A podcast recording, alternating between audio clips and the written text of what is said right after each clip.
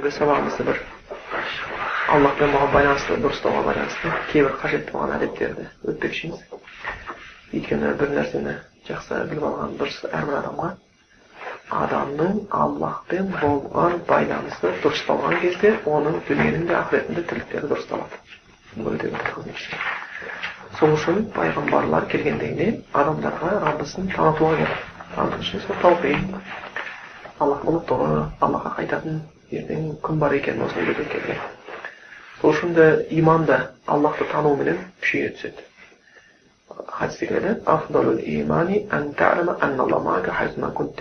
иманның ең абзалы сол дейді қай жерде қай күйде болсаң да аллахтың өзіңнің бірге екенін білу дейді ол ең негізгі керек болған нәрселер сол үшін ғалымдар адамдарды бөледі бір адамдар бар дейді арифун биллахи жахилун би ахкамиллах деп бір адамдар бар аллахты таниды бірақ аллахтың заңдарын шариғатын білмейтін адамдар дейді бұлар аллахтан қорқады аллахқа серік қоспайды аллахқа қайтатын күннің бар екенін біледі дүниенің уақытша екенін біледі өлім бір күні болмаса бір күні келетінін ешбір күдігі жоқ сондай адам бірақтан ол шейхтарды оқымады ілім іздеуге уақыты болмады. Сондықтан байланысты аллахтың шариғат туралы білімі қатты көп емес. Сонда келіп намазын оқып қояды бірақтан намазы бір нәрсе бұзылып қалатын болса ә, болмаса бір ә, саңғы сөз істеу керек болатын болса ол білмеген барып сұрауға мұқтаж болып тұрады сонда біріншісі аллахты жақсы таниды бірақ аллахтың шариғатын жақсы білмейді дейді. Екінші адам бар ол адам арифун айтқанда жахилун биллахи уа арифун дейді бір адам бар аллахты танымайды бірақ аллахтың шариғатын күшті біледі дейді бұл көбінесе мұнафиқтардың білімі алады ана шарт шұрт келтіреді дәлелін келтіреді бәрін келтіреді бірақ өзі құдайдан қорқа қоймайды алған іліміне амал жасамайды былай айтқан кезде елге ғайбат айтпа дейді бірақ өзі ғайбат айтады елге намазға бекем бол дейді өзі намаз қалай болса солай оқиды елге арақ ішпе деуі мүмкін өзі ішіп алады елге зинақорлық істеме дейді өзі зинақорлық істейді айтқанда аллахтан қорықпайды бірақ шариғатын біледі айтсаң хадисін келтіреді анаусын келтіреді бәрін келтіреді бұл енді бақытсыз адам осы адам жаңағы хадисте келген сияқты келеді ғой қияметтің күні қатты азап көретін бір адам бар дейді ол кім дейді бір ғалым дейді ілімі оған пайда бермеген дейді үйренген бірақ өзін құтқармаған да ол оған ешқандай пайда бермеген сол үшін ғалымдар айтады қайсы бір ілім дейді сені күнәдан алыстатып құлшылыққа құлшындырмаса біл ол ілім сені тозақтан алыстатып жәннатқа кіргізбейді дейді дұрыс ілім ол әрқашанда жаңағы жақсылыққа құлшылыққа құлшындырып отырады екен бұл екінші адам үшінші адам бар енді үшінші адам ол арифун биллахи уа арифун би ахкамилла ол аллахты да таниды аллахтың шариғатын да біледі бұл ең жақсылар ол құдайдан да қорқады ілімді алады міне осыларды алла тағала құранда мақтаған құдайдың құлдарының ішінде алладан қорқатындары ғалымдар деп осыны айтқан бұл дұрыс ілім алғандар дұрыс ілім деп осыны айтады сол үшін адамға дұрыс ілімнен келе жатқаны оның жүрегіндегі айтқанда иманның көтерілуіменен өлшенетін бір табылады екен енді сосын аллахты танығаннан кейін аллахтың алдында адам баласы бір әдеттер ұстағысы келіп тұрады мысалға қай бір ә, мысалға нені алатын болсақ құранда аюб пайғамбар қатты ауырды қатты қиналды ол бір жақсылық айтатын болса аллах сенен дейді ал енді өзіндегі ауруды айтатын болса шайтаннан деп қояды да бірақ біз білеміз бойынша жақсылық та жамандық та алладан аллахтың қалауынсыз ешкім ешкімге зиян жасай алмайды сиқыршы сиқырын алмайды шайтан біреуге зиян жасай алмайды бірақ бұл жерде ол шайтаннан дегені әдепті. Аллахқа жаман сөздерді итермеу яғни сөздің өзінің әдебінде сол үшін жындар да мына жын сүресінде келеді ғой.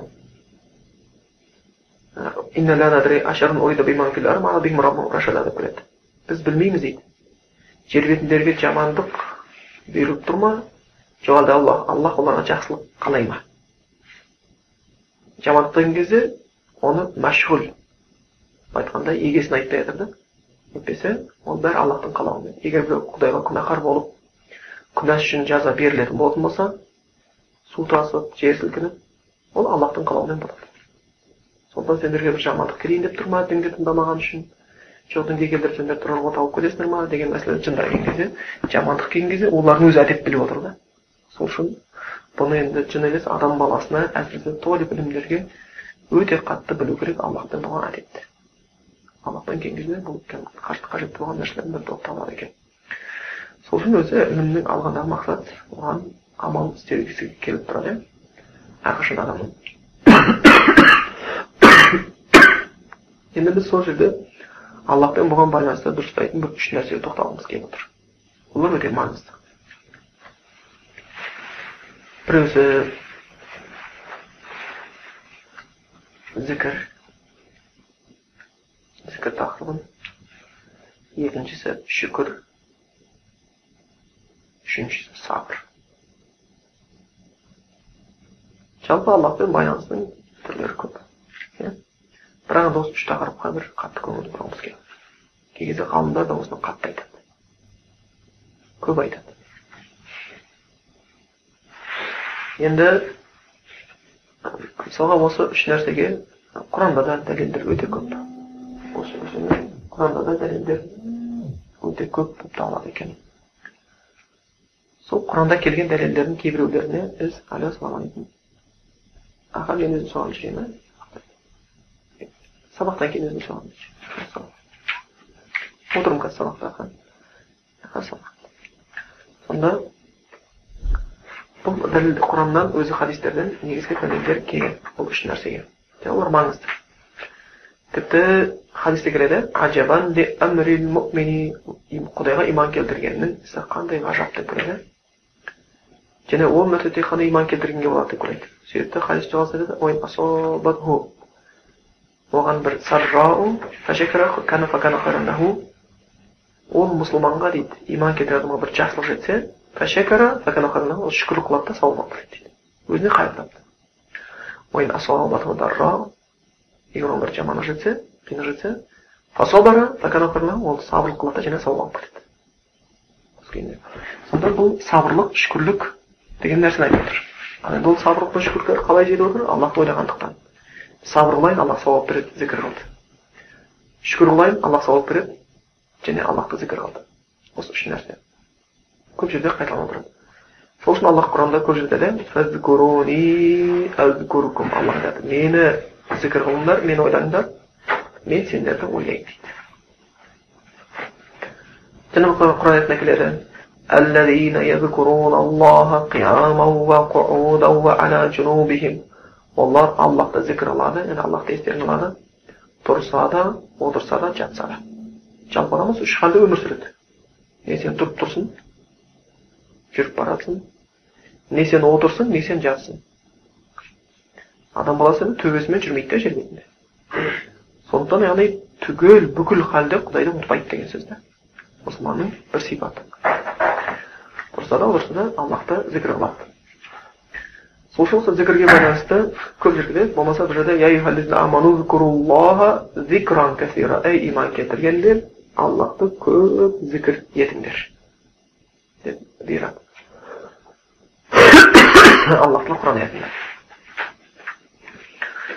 хадисте де пайғамбар мұхаммед саллаллаху бір сахаба келіп сұраған кезде аллахтың елшісі маған бір өсиет айтыңыз дегенде пайғамбар айтады сенің тілің құдайды зікір етуден шаршамасын дейді құдайды зікір етуден шаршамасын дейді осы бірінші зікір тақырыбына тоқтайық өйткені аллахтың аятында көріп отырмыз пайғамбар хадисінде де көріп отырмыз зікір мысалға оның ішінде көп намаз ол зікір иманнан кейін үлкен нәрсе садақа береді аллахтың разылығы үшін ол да бір зікір жақсылыққа шақырып жамандықтан қайтару ол да бір зікір болып келеді. Енді бәрі осының ішін қамтиды. Әрқашанда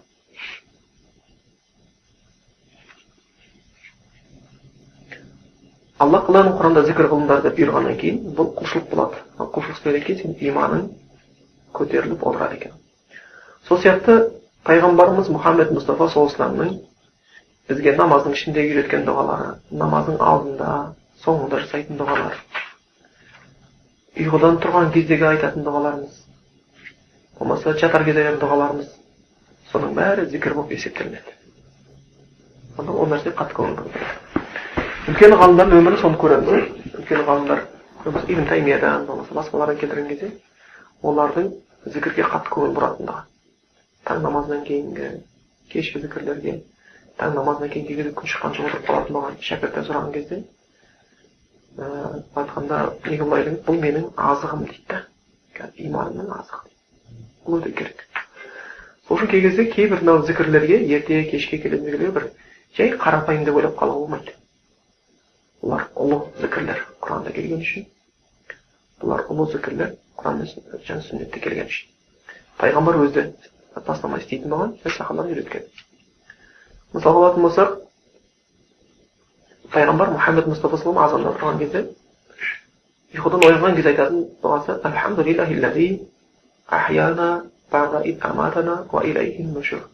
барша мақтау аллахқа болсын бізді тірілткен өлтіргеннен кейін және қайтатын күніміз аллахқа қайту аллахқа деп дұғалап мағынасын ойлансаң терең сен тұрғаннан бастап аллахты еске аласың яғни ұйқыны кіші өлім дейді ғалымдар маутатун ол бір өлімді еске үлкен өлімді еске алдыратын нәрсе.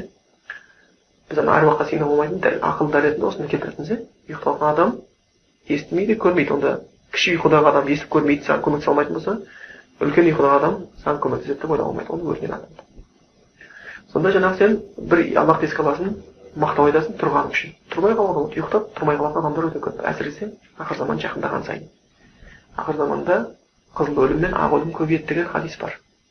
Қызыл өлімі кәдімгі адам денесіне темір тиіп басқа тиіп қылыш тиіп оқ тиіп қан ағып өлгенді айтады ақ өлім деген себебі жоқ өлімдер ұйықтап та тұрмай қалды деген сияқты белгісіз аурумен өліп кетті қан шықпай өлген да ақ өлім деп атайтын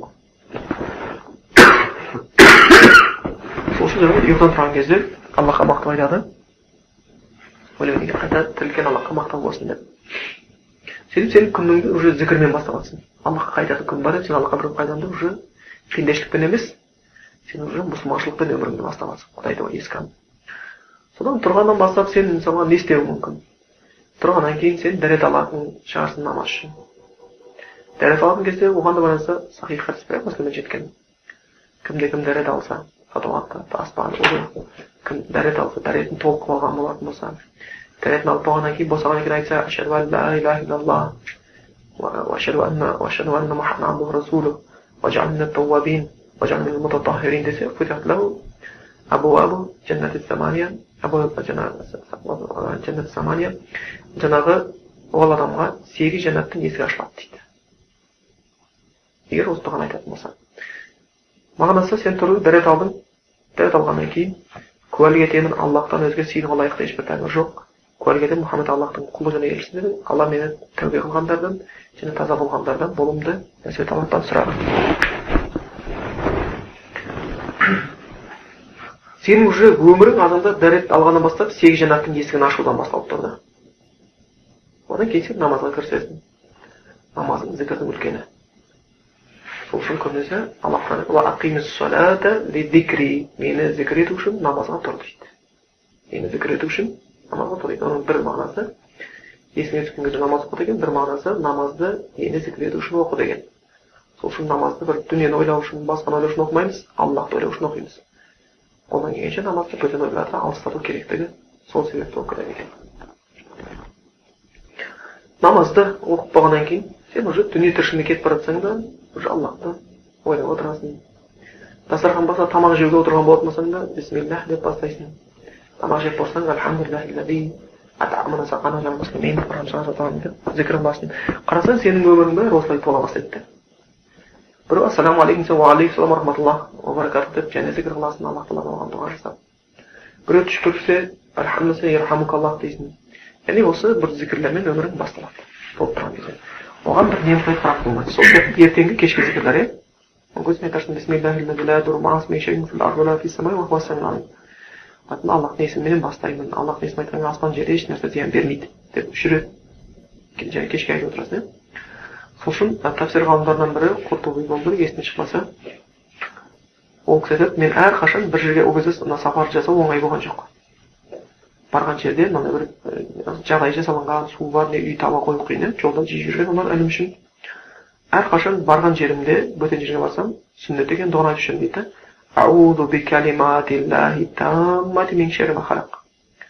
да аллахтың сондай кәміл болған болған сыйынамын бүкіл жаратылған жаратылыс жаманнан сақтал деп айтатын еді барған жерде үш рет осыны айту керек түнеген адамға ылғи соны айтатын дейді бір ғана жолы осыны айтпай ұйықтап қалдым күні шаян жағылады дейді сол келіп тұр екен сол үшін шынымен де бұл дұғаларды айтып жүрген кезде сен өзіңді көптеген бәлекеттерден қорғап жүресің әрқашанда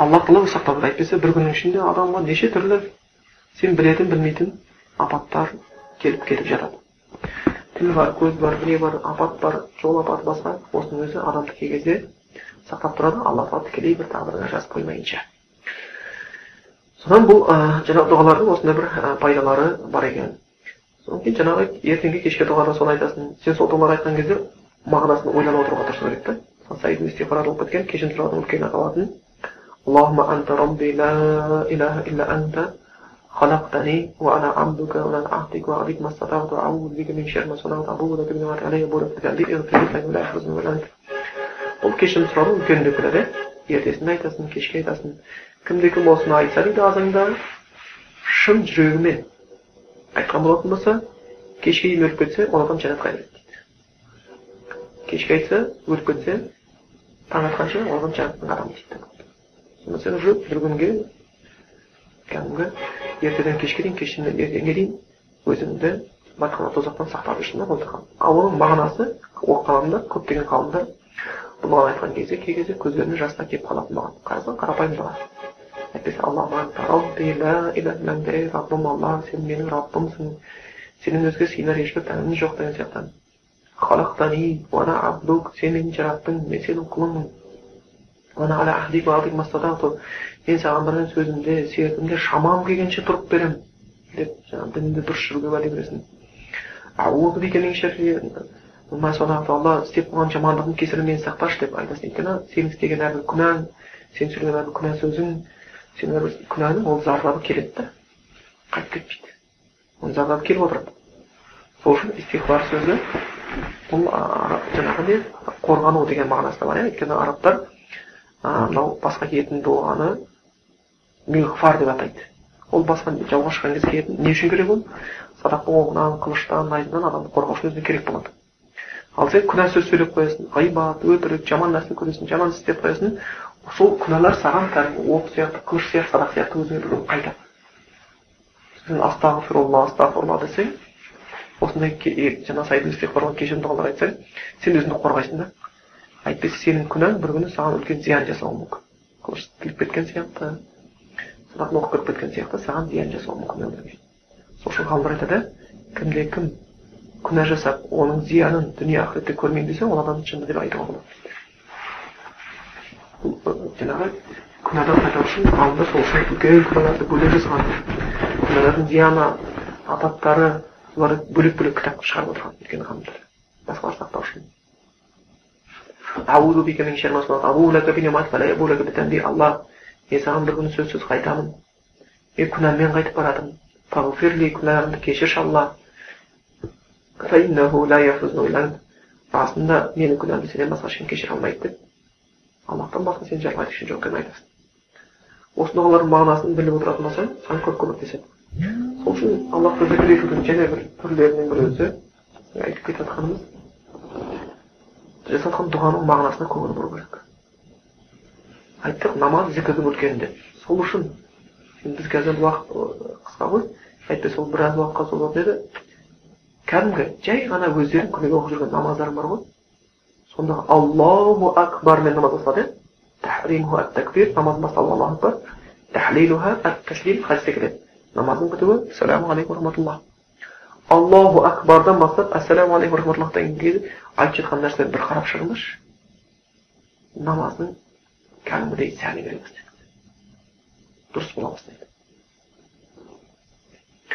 сол үшін жаңағындай бұл кәдімгі адам баласы айтқан зікірінің мағынасын түсінуге де талпынған дұрыс сол үшін намазда ықыласын күшейтемін деген адам намаз оқыды дұға зікірлерін мағынасын тәпсірлерін қарап қарап қарап тұрған жақсы одан кейін және мысалы пайғамбар мұхаммад мұстафа саллаллаху кей кезде үйрететін еді сахабаларына былай зікір қылыңдар өйстіп істеңдер кешке мына дұғаны айт абу бәкір сыдық пайғамбар саллаллаху айтты иә аллахтың елшісі маған намазымда айтып тұратын бір дұға үйретші деді пайғамбар болса бұған үйреткен дұғасы анта робби ла иляха илля анта мені. Робби инни заламту зулман алла мен өзіме көп көп зұлымдық істеп қойдым. Мені күнәм сенен басқа ешкім кешіре алмайды. Деген сияқты дұғаларды үйреткен. Енді осы дұғаларды пайғамбарымыз келіп арнайы үйреткен. Болмаса мағаз жабіл айтқан сияқты намаздың соңында деп дұға қылуды бұйырған. А бұл хадис өзі үлкен хадис. Өйткені пайғамбар бұл хадисті айтатын кезде не деп айтты? Өсиет айтатын кезде инни ей мен сені аллах үшін сүйемін деді да аллах үшін сүю деген бұл үлкен нығметтер ол әркім пайғамбардың аузынан аллах үшін сүйемін деген сөзді есту бұл бақыт та шын сол мұғазға сол бұйырды енді сен бір аллах үшін сүйетін болсаң мен саған енді бір өсиет айтамын деді. Да өсиет аллах үшін сүйетін адамға сен ең үлкен өсиетті айтасың. Жай өсиет айтпайсың. Онда айтқан өсиеті сен намазды бітіріп жатқан кезде мына дұғаны енді сәлем беретін алдында тастамай айтып жүрген. Аллахума аинни аллах маған жәрдем ете зікір етуге біз өткен саламыздың біріншісі уа шүкрик шүкір және соның ішінде екінші тақырып және саған дұрыс жақсы құлшылық етуге маған жәрдем ет деп үш нәрсені сұрап жатады бұл ішіне сабыр да келеді өйткені құлшылық үшін және сабырдың үш түрі бар соның біреуі құлшылық деген сабыр иә осы үш нәрсені айтып жүріп айтқан пайғамбар өзінің ең үшін сүйген сахабасына осы нәрсені бұйырды және оның мағынасын біліп жүру керек өйткені аллах жәрдем етпесе кей кезде адам өзі өз өзіне әлсіздік қылады нәпсіміздің дұшпандығы шайтанның дұшпандығы маңайымызда болған фитнаның дұшпандығы жаңағы жаман адамдардың дұшпандығының кесепаты ол адамға күніге қалың қамыс сияқты кездесіп отырады мен алып бұл зікір мәселесіне қатты көңіл бөлдік енді бұл зікір тақырыбында құран аятының хадистерін айтты бір мысал айтылса соған жем жаңағы жаңағы немқұрайды болып қалмау үшін мысалы пайғамбарымыздың қызы фатима бір күні пайғамбар мұхаммад саллаллаху әкесі ғой кетті пайғамбарға жолыға келсе пайғамбар үйде жоқ екен айшанамыз бар сосын айшанам сұрады бір нәрсе айтып жеткізейін ба деп еді жоқ келіп кетті деп айтса болды деді да қайтты кейін кейін пайғамбарымыз келеді қызыңыз келіп кетті дейді немен келді десе білмедім жай келіп кетті деп айта салыңыз деп айтты дейді енді пайғамбарымыз сондай кісі еді әсіресе ол кісінің хақысы үшін барынша көңіл бөлген адам қызы келді дегеннен кейін бірден ол қызына содан шаршап келген болса да қарамастан кеш болса да қыз үйіне қарай жөнеледі бір мұқтаждығы болып қалған екен деп сөйтіп барса қызы уже уже айша анамыз айтады пайғамбар саллаллаху келді сөйтті да али мен екеуміздің ортамызға отырды дейді аяғы өте салқын екен дейді кешкі уақыт қой сосын пайғамбар отырды да сұрады дейді қызым жай іше келдің ба деп сөйтсе қызы күн сұрауға барған екен үйдің жұмысы ауыр. Ол кезде мынандай қазір дайын нан сатып аламыз дайын ұн деген сияқты дайын памперс бәрі дайын болып кетті ғой бірақ сонда да уақыттың берекеті жоқ та ол кезде бір нан жеу үшін қол диірмен білесіңдер ғой екі тас бар ағаш бар құлағы бар соны айналдырып не алатын оған содан пайғамбар қызы фатиманың қолының бәрі күш болып кеткен да? Сол қиналып үйдің шаруасы оңай болмағаннан кейін бір көмекші болсын деп күн сұрауға барған екен.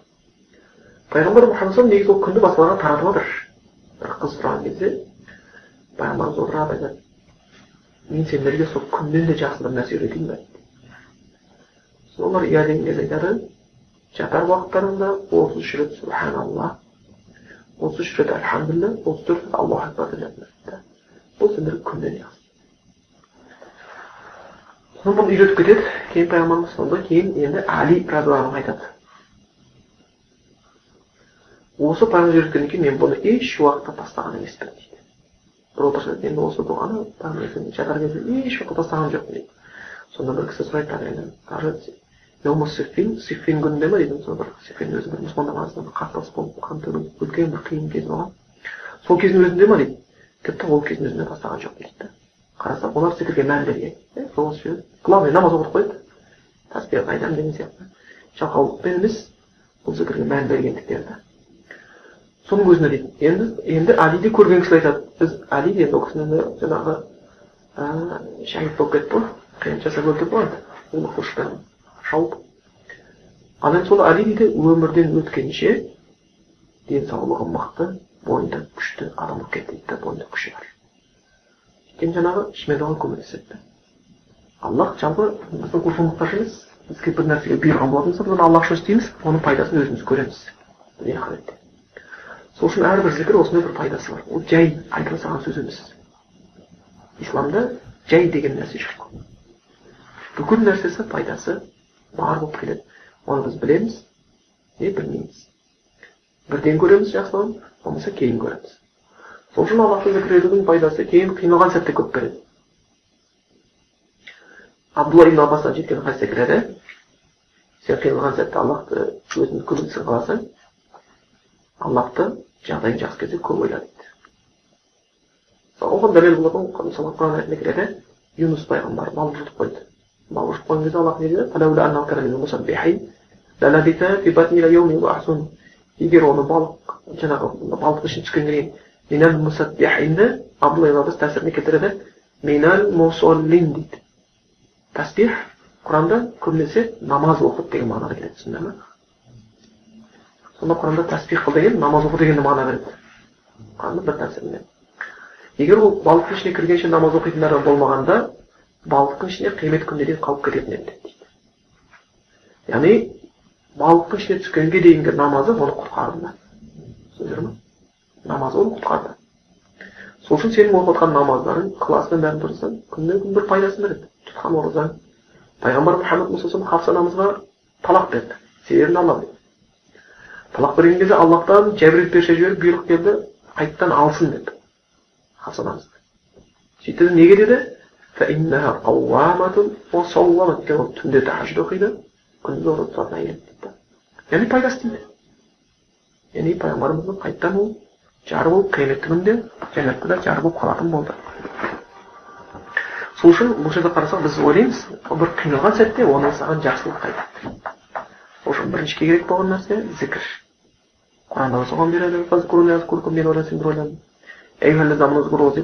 иман келтіргенде аллахты көп ойлаңдар деп келеді екен енді екінші тақырыбымыз екінші тақырыбымыз ол шүкір шүкір де ол үлкен бір құлшылық қатарына кіреді оған да алла тағала құранда көп жерде шүкірлік қылуға шақырады иә алла айтады маған шүкір етіп жүріңдер күпірлік қылып қоймаңдар және ибраһим сүресіне келеді алла айтады егер шүкір қылатын болсаңдар мен арттырамын дейді пайғамбарымыз күйеуі али ибн әби талибте келеді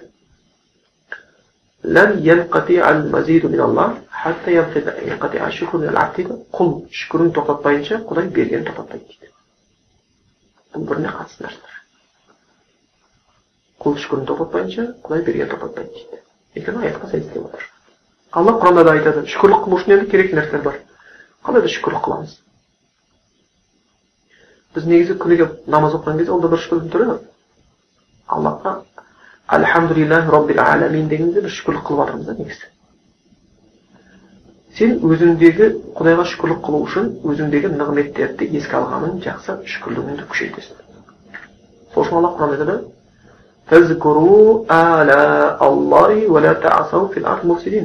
құдайдың берген нығметтерін еске алыңдар да жер бетінде бүлік жасаушы болмаңдар. Алла құранда айтады құдайдың берген нығметін айтып жүр дейді.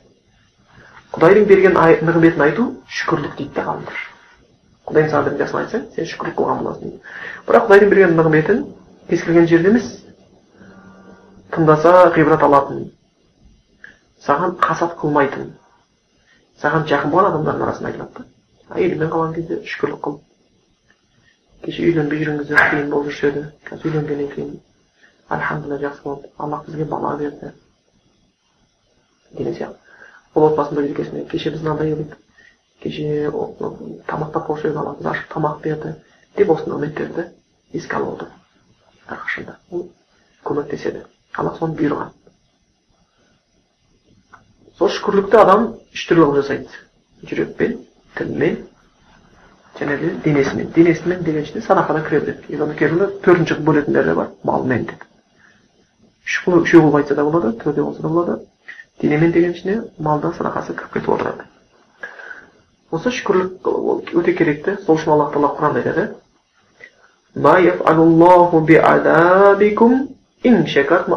аллах сендерді азаптап қайтсын дейді егер шүкірлік қылатын болсаңдар иман келтірген болсаңдар шүкір ету сені қиямет күнгі азаптардың бәрінен құтқарады. Түсіндіңіздер ма иман дұрыс болса. Сосын аллах азаптап қайтемін дейді.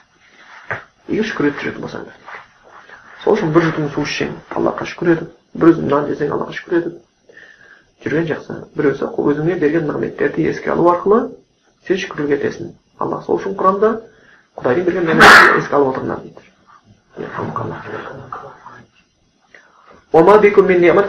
Сендерде қандай бір нығмет болмасын аллахтан дейді онда қайдан шүкірлік ете бастайсың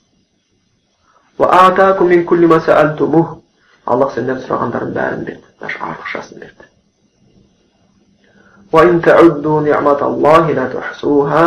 құдайдың берген нығметін есептесеңдер санына жете алмайсыңдар дейді бұлар да өте көп болып есептелінеді екен сол үшін шүкірлік етудің және бір түрі құдайдың өзіңе берген нығметтерін ойлау бұл керек әрқашан енді шүкірлігің күшею үшін және де бір себептер жасауға болады қандай өзіңдегі бар денсаулықтың ішіп жеп жүрген тамағының киіп жүрген киіміңнің көріп жүрген көзіңнің естіп жүрген құлағының қадірін білгің келетін болса бұлар үлкен нығметтер соғып жатқан жүрек жатқан өкпе осының бәрін қадірін білгің келетін болса сол нәрсені жоғалтып алған адамдарды зиярат ету денсаулығың болса денсаулығы жоқ адам ауырып жатыр барып зиярат етсең болады. Екі аяғың бар болса екі аяғы жоқ күні дөңгелек аяғында жүрген адаммен барып сөйлессең болады. Қолың бар болса қолы жоқ адаммен ақылдассаң болады. Шөлдегенде қалай су ішесің? Қалай қыласың деген сияқты. Басы қасса басында қасиямайды сол келе жатқан иә шөлдесе суын алып іше алмайды деген сияқты. Айтқанда екі көз соқыр күннің батқанын шыққанын білмей қасындағы әйелінің түрін көре алмай бала шағасының түсін біле алмай жүрген қанша адам бар болмаса құлағы керең меңіреу болып ешқандай ешбір дауысты былай айтқанда жақсы көрген адамның жақсы сөзін жек көрген адамның жек көрген сөзін ести алмай жүрген адамдар қанша жер бетінде. Сол үшін былай айтқанда бір өкпесі жоқ болып бір бүйрегі жоқ болып айтқанда қанша адамдар бар төсектен тұра алмай дәретханаға өзі бара алмай деген сияқты. Бөтен адамдарды астын тазалап жатқан адамдар да көп. Сол шүкірлігіңді күшейту үшін негізі осыларға барған жақсы көзіңнің қадірін білмейтін болса жоқ адамға барып қалайсыз бауыр денсаулық жақсы ма? деп сұрап отырып шүкірлік етіп қайтасың аяқ жоқ адамға барып аяғыңа шүкір етесің қол жоқ адамға барып қолыңа шүкір етесің сол үшін шариғатта хадис келеді алла тағала қиямет күні айтады дейді құлына. Мен ауырдым сен менің халімді сұрамадың деп айтады. Құл таң қалады. Иә әлемнің раббысы алла мен қалай сенің халіңді сұрайын алла айтады менің осындай бір құлым бар сол ауырды сен соның барып халін сұрағанда сол жерде мен табатын едім дейді да яғни шүкірлік олар айтады сол үшін ғалымдар айтады денсаулық деген ол бір тәж сияқты дейді да қымбат бірақ ол тәжді дейді ауру адамдар ғана көре алады дейді салдан байқамайды сол үшін ауырып барып қадірін біліп жүргеннен гөрі ауырмастан бұрын қадірін білу үшін ауырған байлықтың қадірін білу үшін кедей бостандықтың қадірін білу үшін сотталған адамдармен кей кезде байланыс болған жақсы. Сен қалаған уақытта әйеліңмен сөйлесіп аласың ал біреу сөйлесе алмай отыр. Сен қалағанда әйеліңе тамақ дайындап қой келіп ішемін деп айтасың. Ал біреу айта алмай отыр. Деген осындай көп бір нәрселер бар. Өмірде шүкірлік ететін. Сол үшін ғалымдар адам бақытты болу үшін екі нәрсе туған керек. Дейді дін тұрғысында өзінен жоғары қарасын. Бес уақыт намаз оқып жүрсең түнде тәхажүд оқыған біреуді еске ал ораза ұстап жүрсең дүйсенбі бейсенбі ұстайтын ораза ұстайтындар бар. Бір парашютқа мінсең он парашютқа мінген адам бар. Дін тұрғысында жоғары қара. Жүз теңге садақа беріп жатсаң біреу мың теңге садақа беріп жатыр жоғары қарап отыру керек дін тұрғысында. Ал енді дүние тұрғысында ылғи төмен қарау керек. Сенің машинаң болса машинасы жоқ адамға қара. Машинаң жоқ болса аяғы жоқ адамға қара. Төмен қарау.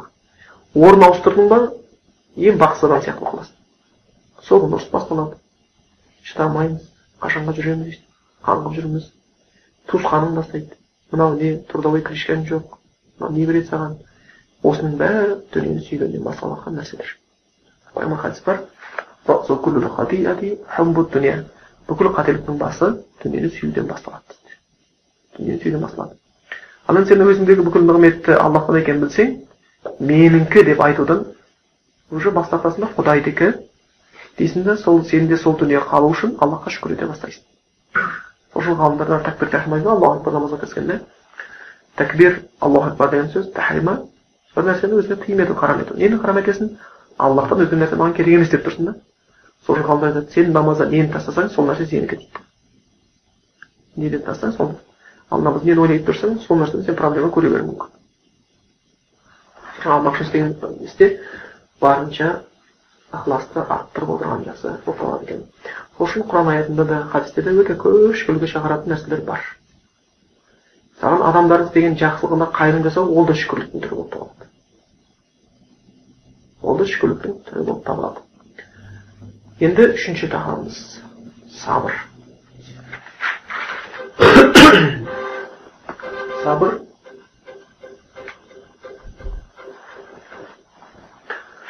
бұл да өте бір керекті нәрсенің бірі сабыр болмаған жерде көп нәрсе береке деген нәрсе құранда сабырға үгіттейтін аяттар өте көп иә алла сабырларды сүйеді деген аяттар бар алла сабырлармен бірге деген аяттар бар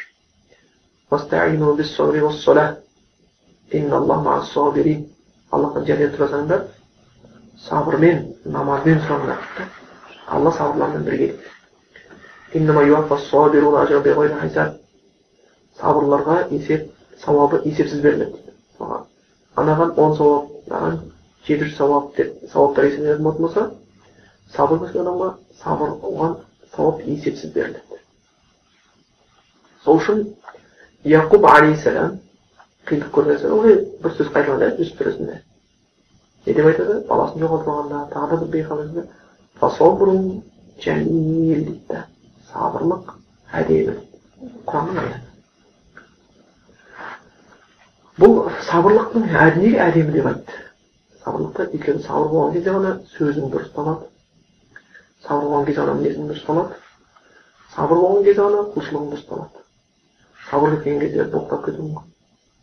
Сабырың кеткен кезде ашуланшақ болып кетуі мүмкін. Сабыр кеткен кезде құлшылығыңда ықыласың төмендеп кетуі мүмкін. Көркемдік кетеді сабыр болған кезде көркемдейді бүкіл нәрсе.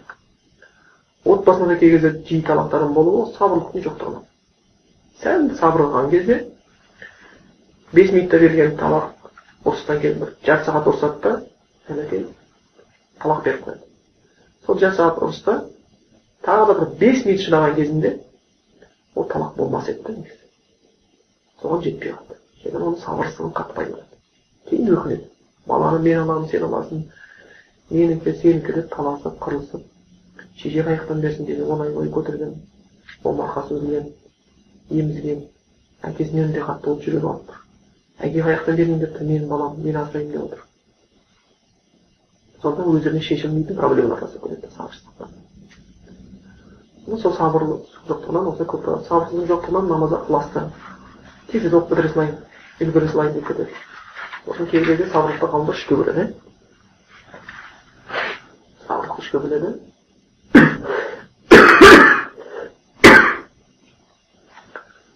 Құлшылық үшін жасалатын сабырлық құлшылық үлкен сабырлық керек. Намаз оқу керек ерте тұрып ұйқыны қию керек. Сабырлығымен дәрет алу керек болып қалуы мүмкін. Ауырып жатсаң да намаз оқуың керек болады осының бәріне сабырлық керек. Бұл құлшылықтағы сабырлық құлшылық жасау үшін керек сабырлық сабырлықтың екінші түрі күнәдан қайту үшін сабырлық о шахуаты көтеріледі. кей кезде келип боктагың келип турат сабыр кылып тіі істейсің кей кезде нәпсің көтеріліп кетіп шахуатқа берген кезде такаппарланып мақтанғың келип калат сабыр кылып одан кайтасың. Рыя жасағысы келип калат сабыр кылып одан кайтарасың. Шахмат көтөрүлүп зинага басқаға шақыруы мүмкүн жеке отурсуң эч ким көрүп аткан жок мына журнал ичине карай салың мындай сурет бар. Интернетке мына сайтқа жіре сал порнография басқа деп итермелейді сабыр керек болады құдайдан қорқып сол құдайға қайту үшін құдайға қайту үшін керек сабыр өйткені алла айтады не дейді құлшылықтың анасы күнәні тастауда дейді да құлшылық жасауда емес дейді күнәні тастай білуде дейді да сонда сен негізгі құлшылық істеген қалған құлшылыққа береке кіргізген боласың сабырлықтың үшіншісі тағдырға сабыр ету өлім жітім ауру кедейшілік неше түрлі нәрсе келуі мүмкін. Сен сабыр қылуың керексің. Сол үшін сабырлықтың үлкен үлгісін көрсеткен айып пайғамбар алла деп мақтағанда көркем құл деген өйткені оған ауру келді сабыр қылды. Он сегіз жыл ауырды емес кедейлік келді бала шағасылары қайтыс болды. Осының бәрі ел жұрты бас тартты сабыр қылды аллахтың берді. Үшін көп жерде де құран аятында сабыр қылғанда түбінде нәтижеге жетеді және сабырлық тағдырға сабыр ауру деген сабырлық қиындық түскен мезетінде жасау керек.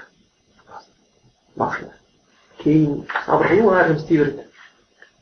Біреуден қой жоғалып кетеді ананы боқтап мынаны боқтап біреудің шарбағын теуіп бүйтіп келеді да кейін табылмайтын көз жеткеннен кейін жарайды ол сауап тапқан жоқ. Жарайды садақа болсын деп қояды ол садақа болған жоқ. Ол ә, сабырлық мысалға пайғамбар саллаллаху келеді ғой хадисте. Пайғамбар саллаллаху бір қасында бір әйел кісі қабірдің басында жылап әйелді көреді баласы қайтыс болған екен. Пайғамбар айтады исбери дейді сабыр қылыңыз деп жаңағы әйел кісіге айтады.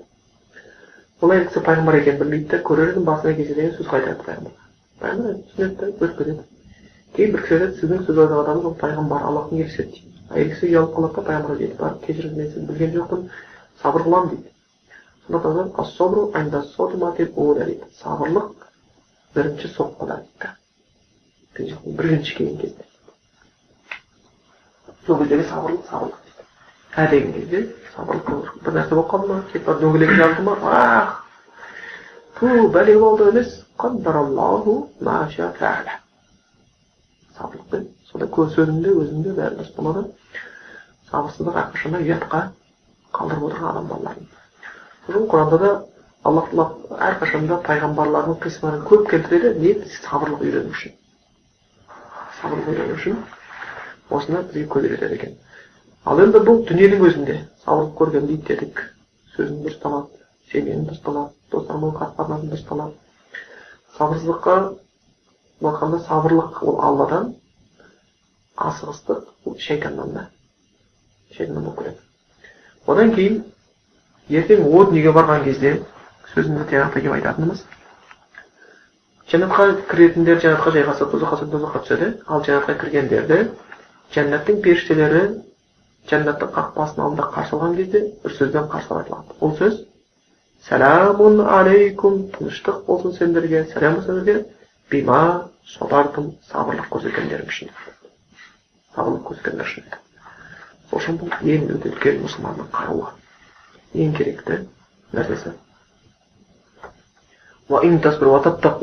Егер сабырлық қылсаңдар құдайдан қорықсаңдар жеңіс сендердікі дейді. Олар сендерге ешқандай зиян бере алмайды дейді.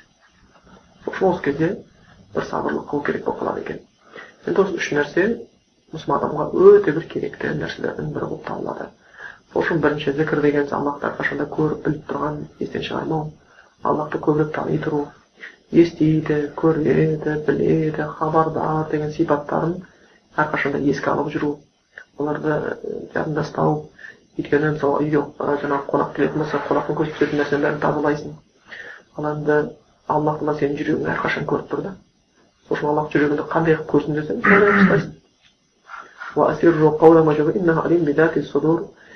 жасырын сөйлеу мен жария сөйлеу алла сенің жүрегіңдегіні біледі ол сен кімнің қимылдағанына мұқтаж емес одан кейінгісі шүкір шүкір ету әрқашанда керек болады шын мәнінде қарасақ аллахтың берген нәрсесі өте көп шүкір еткеннен кейін сен артылығына жете бастайсың шүкірлік қылмаған адамдар көбінесе өзіндегі бар нәрседен ажырап қалады қазақтың адам баласы басына бақтың қонғанын білмейді ұшқанын біледі дегені кеткен ойбу кезінде менің жағдайым жақсы болған екен ғой деп қалады ал шүкірлік қылған кезде ол өзінің жағдайының дұрыс екенін әрқашанда ойлап отырады мысалға біз қазіргі істеп жатқан тіршілігіміз мүмкін кейбір қиындықтар бар шығар заманға байланысты жаңадан туындаған бұрын соңды болмаған қиындықтар бар шығар бірақ пайғамбар мұхаммад саллаллаху көрген қиындығын әлі ешкім көрген жоқ хадис әл әмбия дейді қиындықтың ең үлкенін көретіндер сынақтың ол пайғамбарлар дейді пайғамбарлар деп келеді сол үшін ә, жаңағы алып қарайтын болсақ пайғамбар мұхаммад саллаллаху айтқанда тұрған баспанасының өзі біздің қазір асханамыздан үлкен да біздің асханамыз пайғамбар баспанасынан үлкен да шын айтқанда хабарларда жеткен сияқты сөйтіп келеді жеті шынтақ былай былай мүмкін екі метр екі жарым метр шығар былай былай мынадан кішкене болып тұрған түсініп тұрсыз ба біз отырған бөлмеден сәл кіші болып тұр пайғамбарымыз енді потолокқа қол көтерсең қол тиер еді дейді ол пайғамбарымыз үйге кейін пайғамбарымыз қайтыс болғаннан кейін де айша анамыз қайтыс болғаннан кейін де үйде ешкім тұрмай қалғаннан кейін де біраз уақыт сыртын қоршап қойған кішігірім сол медина қаласы мешіттің сыртында еді дейді кейін кейін мешіт кеңейтіліп мешіттің ішіне кіріп оны жауып тастады деді жауып тастаған кезде суфиян себебін айтатын бар. Сол дейді мешіттің ішіне кірген кезде көптеген ғалымдар жақтырмағаны да бар. Өйткені дейді қажылыққа барған адамдар кейін мединаға барған кезде пайғамбар тұрған үйдің сыртынан көрген кезде көзі жылап қалатын еді дейді. Субханалла бізге дін үйреткен біз осындай бағытта болған бізге дүниенің ақыреттің жасын жеп жеткен пайғамбарымыз сонда осыны үйде тұрған ба? Субханалла мен қандай үйде тұрып жатырмын мен қандай тамақ жеп жатырмын деп көріп жылап қалатын еді дейді. Соны ғалымдар сыртында тұра бергенде ғой адамдар көргендерінде ғой деп. Ойлайды сөйткен пайғамбар мұхаммед саллаллаху сондай кішкентай үйде тұрды. Пайғамбар мұхаммед сол үйдің ішінде кей кезде айлап от жағылмайтын. Ең көп жеген тамағымыз асвадани деп біледі айша құрма су құрма су болғанда. Біз бір күн тойып жесек екінші күні құрма жегіміз келмей қалады да. Басқа нәрсе бар ма деп? Құрмамыз дастарханның басында бір ай тұруы мүмкін ба теуіп жемейді ал олардың кезінде пайғамбар мұхаммад жетеуден үшеуден тарап берген кездер бар. Құрма жетпей қалды. Кедейшілік болып келген құрмадан жетеу жетеуден таратып берген кездер болған. Сөйткен пайғамбар саллаллаху үйінде мысалы қазір біз қарсы қасымызда кілем отырсақ диван деген ұйықтаған кезде ши ши төсек деп қоямыз ғой ши төсек деген не ғой анау? Құрманың жапырағы бар ғой содан өрілген. Корзинкалар бір бар қамыстың суға ұқсайтын төсек солай жатып тұрған кезде оның арқасында іздері қалып кетіп отырған сондай жерде өмір сүрген пайғамбар түнде тұрып намаз оқыған кезде аяқтары ісіп кетеді дейді да енді жай өздеріңіз ойласаңыздар болады. Менің аяғым қай кезде істеген деп сұрақ қойсаңыздар болады. Қай кезде істеген деп сұрақ қойсаңыздар біз оны еске түсіре алмаймыз. Мүмкін мүмкін шығар бір жолға ұзақ шығып машинада ұзақ отырып қалып аяғымыз ісіп кеткен кездер. Ал бірақтан намазда тұрып аяғым ісіп кетті деген нәрсе жоқ та. Ал сөйткен айша анамыз көріп қиналып аллах бұйырса сіздің күнәңіз кешірілген неге олай істейсің деп пайғамбар айтады шүкір етуші пенде болмайын ба дейді да ондай болса пайғамбар ши төсекте жатып кішкентай үйде тұрып сондай бірде тамақ бар бірде жоқ болып жүрген пайғамбар шүкір етпей ма деген болатын болса онда бізге қандай шүкір ету керек екен? Содан біз түсінеміз шүкір өте маңызды екендігін одан кейін жаңағы үшінші тақырыбымыз сабырлық дедік сабырлық өте керек сол үшін ғалымдар айтады сабырлық иманның басы дененің басы болатын сияқты дейді біреудің қолы жоқ десе сенеміз өмір сүріп жатыр біреудің аяғы жоқ өмір сүріп сенеміз біреудің бір өкпесі жоқ десе сенеміз бір бүйрек жоқ десе сенеміз көз жоқ десе сенеміз өмір сүргендігіне бірақ басы жоқ адам өмір сүріп жатыр десе ешуақытта сенбейміз сол үшін сабырсыз өмір сүру мүмкін емес та. Ешқандай берекет болмайды. Иманыңда да біліміңде де ештеңеде берекет болмай қалады. Сол үшін әрқашанда адам баласы сабырлықпен жүрген жақсы болады екен. Осы үш нәрсе енді аллах шынымен де біздерге шүкір еткен насіп етсін. Ілгергі сәләфтар қажылыққа барып қағбан бір сәләфтің дұғасын келтіреді ғой ғалымдар аллахқа жалынып жатыр дейді жылап жатыр дейді. Иә алла деп айтады дейді. Я роб сен менің раббымсың فأبتليتني فلم تجدني صابرا сенен сынадың сынауға хақың бар бірақ мен сабыр сабыр қыла алмадым сабыр еткенімді көре алмадым жаңағы алла сен маған бердің нығметін сансыз есім жете алмаймын бірақ мен шүкір еткенім дұрыс болмады кешірші деп жылаған дейді да сол үшін сабыр ету шүкір ету бұл нәрселер зікір ету өте керекті нәрселердің бірі болып табылады аллах біздерді сабыр еткен шүкір еткен сондай күні аллах зікір еткен пенделер болып нәсіп етсін қалай кешірім етсін алла туалыққа баршамызды бастасын